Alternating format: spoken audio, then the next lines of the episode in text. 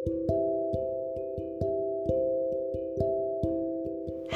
Rumpi Sendu, cerita apa aja, ngomongin apa aja, sama siapa, di mana dan kapan pun yang penting Rumpi, tapi sendu.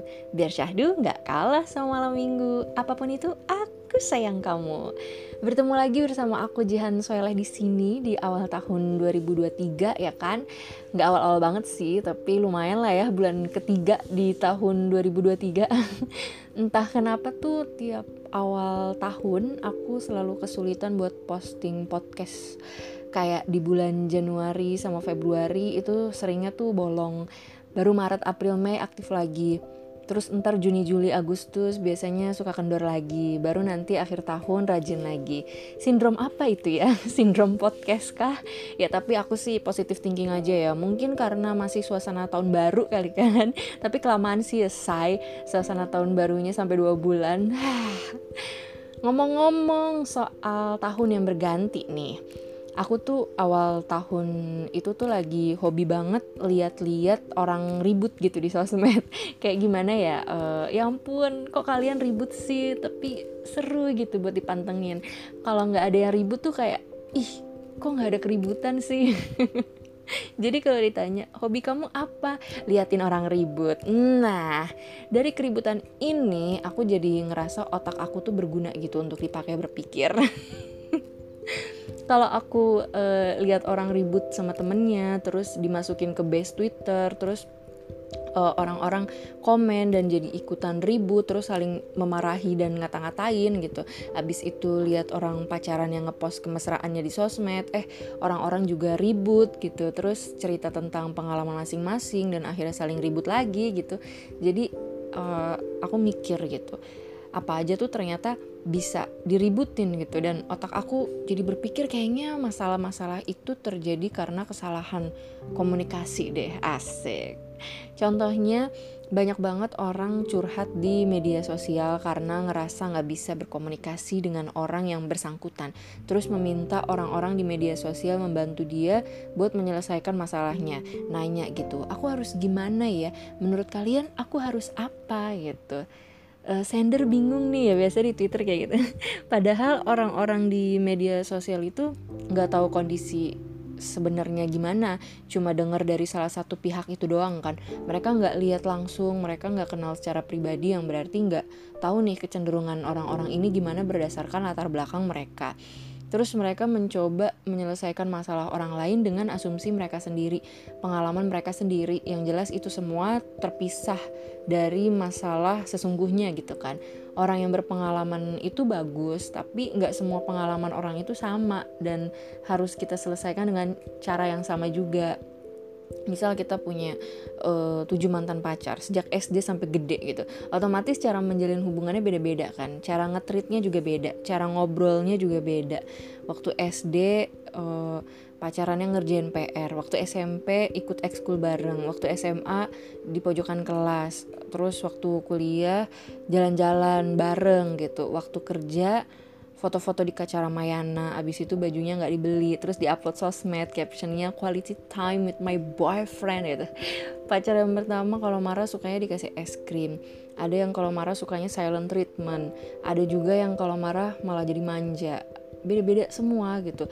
Nggak ada manusia yang benar-benar sama. Paling kalaupun mirip tetap ada bedanya gitu kan kita sekeluarga deh pasti ada aja gitu yang aneh ada yang nggak jelas ada yang suka marah-marah ada yang sukanya ngayap.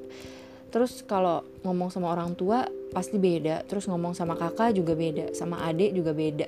Karena tiap orang membawa pengalaman dan latar belakang masing-masing kan membawa pikiran dan perasaan masing-masing juga jadi kalau misal kita curhat ke orang lain umpamanya ke sahabat kita otomatis dia ngasih solusi ya berdasarkan pengalamannya dia. Contoh gue mau curhat nih besteh gitu.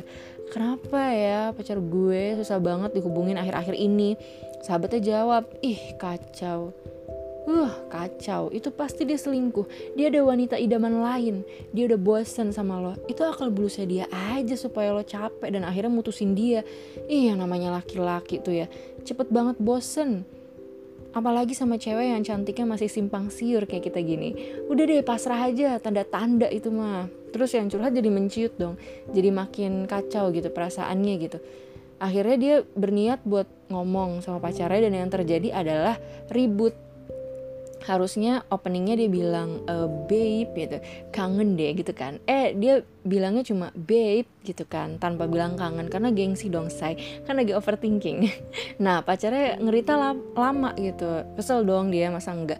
Eh dia malah ngomongnya jadi gini kamu tuh kenapa sih kok akhir-akhir ini dingin banget sama aku? Kamu bosen ya sama aku? Kamu lagi deket ya sama cewek lain? Ngaku aja deh aku tuh kurang apa sih? Aku harus gimana lagi biar hubungan kita ini bahagia? Aku tuh kayak berjuang sendirian tau nggak? Kamu tuh nggak pernah ada buat aku. Kamu nggak pernah hangat lagi kayak dulu. Kamu tuh ngerti gak sih selama ini perasaan aku tuh kayak gimana? Aku tuh capek aku tuh sakit hati. Punya pacar tapi selalu ngerasa kesepian gitu. Terus cowoknya kaget dong lihat ceweknya kayak gitu. Hah? Hah? Apaan nih gitu. Akhirnya ribut saling menyerang dan menuntut gitu. Kamu tuh kamu tuh kamu pikir hehehe gitu kan. Ujungnya apa coba kamu jangan asal ngomong gitu dong. Aku ini capek. Aku ini sibuk kerja buat masa depan anjay. Kacau kan? Denger ya nggak pernah ada yang tahu kesibukan seseorang kalau nggak ditanya. Kita sibuk berasumsi kalau doi uh, ngapa-ngapain doi berkhianat gitu. Padahal siapa yang tahu kan kalau ternyata dia sibuk belajar main lato-lato atau mempersiapkan diri jadi duta sampo lain. Gak ada yang tahu. Ini nggak pernah ada yang tahu saya sering banget kejadian kan yang kayak gini aku juga kadang suka gitu nah bacain orang-orang ribut akhirnya tanpa disadari jadi ikutan overthinking gitu menyerap energi negatif. Apa iya ya dia begini? Apa iya ya dia begitu? Kenapa ya dia begini? Kenapa ya dia begitu? Jangan-jangan dia begini. Jangan-jangan dia begitu. Karena emosi tuh uh, cepat banget menularnya kan. Sering deh yang tadinya kita lagi ceria, terus ada yang cerita, akhirnya emosi kekhawatiran dia itu, kecemasan dia dan kegalauan dia itu menular ke kita. Akhirnya itu berdampak juga dengan mood kita hari itu. Sama juga kayak kita ketemu orang yang positive vibes gitu. Itu juga bisa bawa dampak ke kita jadi lebih ringan hatinya dan bahagia gitu. Tapi semua semuanya tuh tergantung sama kita juga apa kita bisa membuat jeda gitu dari emosi dan asumsi itu supaya kita bisa menjaga komunikasi kita dan gak ngomong yang aneh-aneh gitu ke orang lain sampai bikin masalahnya jadi tambah besar. Nah hari ini aku mau ngajak sobat sendu ngerumpi nih tapi shh, jaga mulutmu sayang anjay. Emang ya komunikasi itu adalah hal yang paling penting yang paling penting karena kita terhubung dengan orang lain. Bahkan bukan cuma dengan kata-kata, komunikasi juga kan terjadi dengan gerakan, simbol-simbol gitu ya. Jadi kalau uh, kata para expert dalam menjalin hubungan yang paling penting adalah komunikasi, itu benar adanya gitu, bukan sekedar quotes aja gitu. Nyambung soal tadi ya dalam curhat mencurhat, curhat mencurhat, sering juga kita uh, nemuin orang orang-orang yang menyimpulkan terlalu cepat gitu. Biasanya kalau ada yang cerita di tongkrongan, aduh men, cewek gue dikit-dikit marah, apa aja jadi masalah. Terus temennya jawab, ya elah namanya juga cewek, emang udah paling bener mah gak usah pacaran, ribet ya gitu kan. Jadi kalau cewek cenderung suka memberikan energi kecemasan kepada temannya, kalau cowok cenderung, cenderung memberikan energi putus asa ke temannya. Ya namanya juga ya mau gimana lagi ah udahlah ribet gitu jadi sering terjadi kalau misalkan uh, mereka bersatu si ceweknya tuh uh, semangat buat ngobrol gitu menyelesaikan masalah. Gimana pun kondisinya pokoknya gue mau masalah ini kita bicarain sekarang juga supaya cepat selesai gitu. Nah yang cowok gampang capek saya udahlah biarin aja cuekin aja deh. Duh males udah nanti nanti aja lah ntar juga lupa gitu. Jadi sering banget susah ketemu gitu antara kubu A dengan kubu B. Begitu dipertemukan energinya yang bertolak belakang ini akhirnya jadi perang karena siapa yang mendominasi siapa, siapa yang benar, siapa yang salah. Jadinya bukan penyelesaian yang datang, tapi malah penumpukan emosi. Bayangin kalau itu terjadi berkali-kali. Bahkan uh, aku sering denger ya, banyak pasangan yang setiap hari itu pasti berantem. untuk ukuran aku yang cinta damai ini anjay cinta damai tapi hobi lihat keributan sering bertengkar itu tanda ada masalah tersampingkan yang gak sanggup diselesaikan gitu. Apalagi kalau masalahnya tuh cuma masalah kecil. Apakah kalian tidak saling memahami? Apakah kalian tidak saling mendengarkan? Apakah kalian dua orang yang mudah emosi apa kalian nyaman kalau menjalin hubungan dengan orang yang tiap hari ada aja ributnya? Apa kalian gak akan capek dengan kondisi seperti itu? Gitu kan pikiran aku. Sebagai individu aku merasa menjalin hubungan dengan banyak pertengkaran tuh pusing banget gitu. Kayak enakan tidur aja gak sih daripada berantem ya kan? Mau hubungan apa pun itu sama temen kayak enakan main aja gak sih daripada berantem? Ada iklan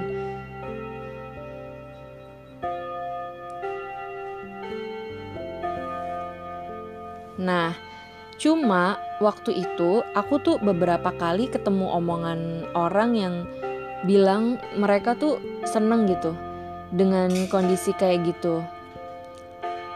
Menurut mereka itu tuh penguat rasa gitu. Kalau sering berantem berarti nggak kaget lagi gitu. Berarti hubungannya udah saling terbuka. Ketimbang yang nggak pernah berantem. Bisa jadi pas nanti ada masalah malah meledak-ledak gitu kan. Padahal dua-duanya nggak baik sebetulnya. Karena kalau soal mau lihat hubungan yang baik atau nggak baik itu permasalahannya bukan di berantem atau enggaknya. Tapi di cara komunikasinya dan cara mengelola hubungannya. Dulu aku pernah tuh ngeliatin temen yang kalau pacaran tuh saling ngatain gitu. Dasar lu tolol gitu aja nggak bisa. Lu tuh dongo. Dasar nggak berguna najis gitu. Kan ih apaan sih gitu kan buat aku. Nah tapi mereka tuh bilangnya hubungan kayak gitu tuh seru ngerasa jujur dan deket gitu. Sedangkan hubungan yang romantis menurut mereka tuh agak menjijikan dan penuh kepura-puraan gitu Kenapa mereka bisa bilang begitu? Karena mereka ngelihat hubungan yang romantis, yang baik-baik aja gitu, yang manis-manis, itu tuh ternyata penuh kebohongan gitu. Padahal kalau soal kebohongan, pengkhianatan dan lain-lain itu nggak tergantung sama romantis dan manis apa enggaknya, tapi masalah pilihan orang itu yang memutuskan untuk melakukan hal itu, melakukan kebohongan, melakukan pengkhianatan dan lain-lain. Nah, itu dia tadi kan Kenapa kita baiknya selesaiin masalah itu sama orang yang bersangkutan daripada nanya-nanya ke orang lain gitu di luar hubungan kita itu. Karena tiap orang punya pandangan dan latar belakang masing-masing, cara menyelesaikan masalah dan cara memandang hubungan pun beda-beda. Kalau misalnya kita cerita ke orang yang emang dia netral gitu, orang yang emang uh, dengerin aja terus kasih solusinya juga ya udah coba diomongin baik-baik. Nah, itu sih nggak apa-apa. Tapi kalau misalkan dapet temen uh, uh, cerita yang malah kompor-komporin ya kan? Malah uh, bikin tambah overthinking nah itu kan yang jadi masalah. Ada yang uh, balik lagi ke yang tadi gitu. Ada yang suka yang manis-manis gitu. Ada yang suka main ledek-ledekan. Ada yang suka saling mencaci tapi yakin kalau mereka tuh uh, saling memahami gitu. Ada juga yang cuek tapi perhatian. Ada yang jarang komunikasi tapi langgeng terus dan saling percaya.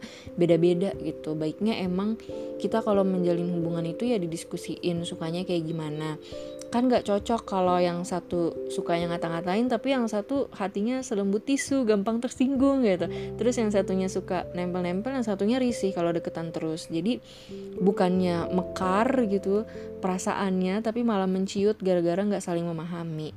Nah gimana kita bisa saling memahami kalau bukan dengan berkomunikasi? Itulah kenapa komunikasi sangatlah penting kawan menurut Josh Aditya, beliau adalah coach relationship yang aku ikutin kelas-kelasnya sejak Desember tahun lalu. Katanya pasangan yang komunikasinya bagus itu bukan berarti ngobrol tiap hari apa-apa diomongin, apa-apa dibicarain, bukan kayak gitu. Tapi komunikasi yang baik adalah terhubungnya dua orang yang saling memahami. Jadi kalau kita hubungannya adem ayem aja, tapi sebenarnya kita nggak saling memahami, cuma kita nggak mau ribut aja, jadinya kita pendam. Nah itu juga termasuk komunikasi yang kurang baik karena nggak menghasilkan pemahaman satu sama lain. Ada lagi jenis uh, hubungan yang mereka tuh nggak sering ketemu biasanya persahabatan ya yang kayak gini jadi jarang ketemu jarang komunikasi tapi selalu terhubung dan selalu memahami satu sama lain gitu. Bahkan tanpa ngomong seringnya udah paham. Kenapa bisa begitu? Soalnya mereka saling menggali informasi satu sama lain sehingga mendapatkan pemahaman mengenai satu sama lain gitu. Terus uh, belajar untuk memahami satu sama lain juga. Oh dia orangnya begini nggak suka ini sukanya itu. Kalau lagi begini dia nyamannya diginiin. Kalau lagi begitu dia sukanya dikasih ini bla bla bla karena komunikasi itu mempermudah seseorang dalam memahami suatu pesan atau informasi supaya permasalahan yang rumit bisa dicegah atau diatasi dengan komunikasi interpersonal yang baik. Tujuan komunikasi kan untuk memastikan uh, bahwa pesan komunikator dapat dipahami oleh komunikan. Makanya komunikator tuh mesti nyampein pesan sejelas mungkin dan komunikasi itu dua arah yang saling gitu. Kalau misal kita ngerasa udah jelas tapi orang lain nggak paham, gimana coba? Ya kita mesti melakukan komunikasi ulang dan tanyain gitu bagian mana sih yang gak dipahamin gitu terus kita coba memahami dia juga orangnya tipe yang kayak gimana sih supaya kita juga nemuin cara yang tepat buat dia tuh nerima pesan kita itu. Begitu juga sebaliknya kalau kita di posisi yang nggak paham-paham ada baiknya kita komunikasikan sejelas mungkin gitu. Kalau kita nggak paham bagian ini terus kita biasanya bisa ngerti kalau kayak gini bla bla bla supaya satu sama lain mendapatkan pemahaman dan kesimpulan gitu. Jadi tujuan komunikasinya nyampe kalau emang saling nggak memahami kita bisa minta bantuan orang lain. Soalnya ya tiap kali ada dua orang yang sulit berkomunikasi dengan baik selalu ada orang ketiga yang bisa ngebantuin mereka gitu. Dan biasanya orang yang ketiga itu yang berada di luar mereka supaya bisa melihat dari sudut pandang yang baru atau yang kenal mereka dan memahami mereka dan dia netral gitu. Bahaya kalau orang ketiga ini nggak bisa berkomunikasi dengan baik juga kayak yang tadi aku bilang. Bisa-bisa jadi melebar masalahnya. Apalagi kalau saling ngebawa ego masing-masing kan. Boro-boro mau saling memahamin. Di pikirannya cuma ada aku aku aku. Kamu itu harusnya kamu itu mestinya gitu say nah tapi tuh sebenarnya apa sih masalahnya kok kita sering kesulitan untuk berkomunikasi yang baik gitu dengan orang lain, terutama dengan orang-orang yang deket sama kita. Semakin deket tuh malah semakin banyak gesekan. Contohnya sama keluarga, sama pasangan kita, sama teman tidur kita. Misalnya kita ngekos terus sekamar bareng teman kita nih. Awalnya tuh sebelum ngekos uh, sebelum ngekos bareng kita tuh baik-baik aja. Eh begitu udah tinggal bareng kita malah jadi sering cekcok sama teman kita bahkan kadang jadi saling benci. Kenapa gitu? Apalagi nih banyak banget mitos tentang uh, relationship. Kalau masih awal pacaran wah masih baik banget hubungannya. Nanti kalau udah lewat tiga bulan udah sering berantem. Apalagi kalau udah nikah pasti makin banyak debat-debat semakin deket hubungan semakin banyak cekcoknya. Terus akhirnya ada asumsi-asumsi yang bikin orang simple berubah jadi overthinking. Contohnya setiap hubungan itu pasti banyak pertengkaran, apalagi kalau udah lama terjalin, udah deket gitu lama-lama jadi hambar, jadi saling menyembunyikan, terus terus di buatlah gitu kisah-kisah yang menggambarkan perbedaan hubungan yang baru dengan yang udah 10 tahun gitu ternyata jauh beda gitu. Akhirnya jadi pikiran ada yang pasrah ya udahlah yang penting dia kasih uang bulanan ada yang cari hiburan sendiri dan lain-lain. Faktanya ada banyak juga kok uh, hubungan yang langgeng dan bahagia nggak sesuai dengan mitos-mitos itu. Tapi masalahnya orang-orang lebih suka melihat sesuatu yang menyedihkan gitu jadi cenderung nggak percaya kalau ada orang yang bisa menjalin hubungan dengan siapa pun secara baik-baik aja dalam hidup ini. Dalam kerja aja tuh sering banget kita ketemu sama orang yang sebenarnya bisa nih kalau dia ngomong kayak gini. Tapi karena dia ngomongnya begitu jadinya muncullah salah paham. Yang satu nggak paham situasi dan cara nyampeinnya nggak tepat. Yang satu lagi emosi dan pikirannya jadi kurang terbuka buat nerima obrolan semacam itu. Jadinya berantem main ngata-ngatain gitu. Terus seringnya tuh apa yang mestinya jangan diomongin malah kelepasan diomongin karena emosi. Jadinya tuh makin panjang urusannya begitu juga sama yang tadi ngekos gitu kan. Karena kita deketan kita satu tempat gitu jadinya kita sering ketemu. Akhirnya ya kita ngebawa-bawa emosi itu. Terus uh, kita adalah dua orang yang berbeda yang satu kayak gimana yang satu sukanya apa gitu begitu ketemu ya kalau nggak mau saling memahami ya jadinya ya nggak paham-paham gitu. Biasanya kita lebih sering salah komunikasi itu ya sama orang yang nggak kita kenal sama orang yang kita nggak suka atau sama orang yang deket sama kita. Karena ada emosi yang kita bawa dan lebih mudah kita untuk berasumsi pada hal-hal yang belum kita ketahui dan yang udah kita anggap sebagai sesuatu yang kita udah tahu banget nih gitu jadi ada benernya kalau semakin deket hubungan semakin sering bergesekan tapi nggak semuanya karena itu tuh bukan hal mutlak gitu. Itu tuh hal yang bisa kita kendalikan. Coba deh nih uh, bedain ketika kita lagi pendekatan gitu sama orang yang kita suka. Seringnya apa pun situasi dan masalahnya kita tuh bisa lebih kalem gitu nanggepinnya.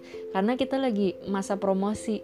Tandanya sebenarnya kita bisa nggak ngebawa emosi dalam komunikasi karena ketika PDKT kita nurunin ego, kita menggali informasi, kita belajar memahami gitu, kita mau gitu melakukan itu jadinya ya semua berjalan lebih lancar gitu. Bandingin ketika kita udah pacaran gitu. Ketika kita udah deket banget gitu. Makin lama kita makin sering cekcok dan ngeluh kenapa kamu berubah nggak kayak waktu PDKT kenapa masa uh, kenapa masa-masa yang dulu lebih uh, nyenengin daripada yang sekarang gitu. Karena masa-masa promosinya udah selesai gitu. Dan kita masing-masing ngerasa udah memahami satu sama lain eh ternyata pas dijalanin enggak loh gitu kan. Kita masih belum saling memahami atau sebetulnya kita tuh udah saling memahami tapi kita kurang sabar.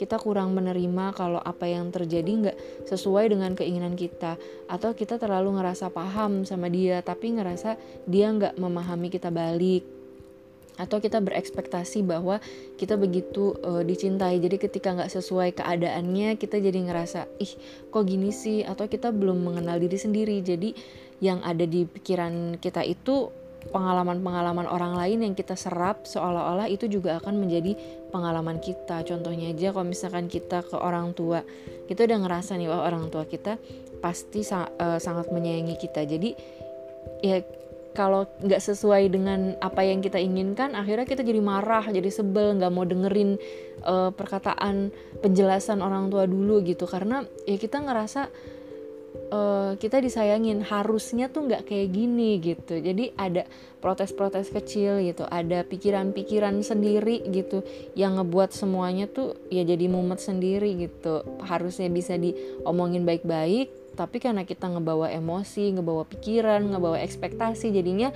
ya semuanya jadi ribet gitu. Seringnya tuh juga uh, ditanya kamu kenapa? gitu. Jawabnya tuh suka bingung sendiri. Aku juga nggak ngerti aku kenapa? Cuman ngerasa sakit hati aja gitu. Sama sikap orang kayak gini gini gini gini gitu. Atau jawabnya ya nggak apa-apa gitu kan. Karena diri sendiri tuh belum bisa memahami gitu loh. Apalagi mau disampaikan ke orang lain gitu. Bingung nyampeinnya gimana lah orang. Kitanya juga masih masih jelimet gitu. Ini tuh sebenarnya gimana? Yang kita tahu pokoknya rasanya tuh nyesek aja gitu. Rasanya tuh nggak suka aja gitu. Nggak nyaman. Tapi begitu dijelasin kita juga bingung sebenarnya gimana sih gitu. Kan ada komunikasi interpersonal ada komunikasi intrapersonal. Masing-masingnya mesti kita pelajarin gitu supaya komunikasi kita berjalan lancar dengan diri sendiri maupun orang lain. Kalau kita nggak menguasai skill komunikasi ini ya jadi sering muncul konflik gitu kan. Apalagi kalau kita nggak bisa mengontrol mulut kita untuk bicara alias nggak ada batasan antara apa yang harusnya disimpan di dalam hati dan apa yang harusnya orang lain ketahui. Itu nggak bisa kita kontrol nyelos aja gitu. Ya udah makin runyam. Makanya jagalah mulutmu sayang. Mulut aku juga. Oke sampai di sini dulu ya ngerumpiknya Semoga podcast aku adalah ya manfaatnya buat kita semua. jangan lupa belajar sendiri gitu. Jangan percaya sama aku karena aku juga masih belum bener belajarnya dan niat aku juga di podcast ini cuma ngerumpi bukan seorang ahli. Iya. Yeah. Oke, makasih banget udah mau dengerin podcast aku. Sampai ketemu lagi di Rumpi Sendu selanjutnya.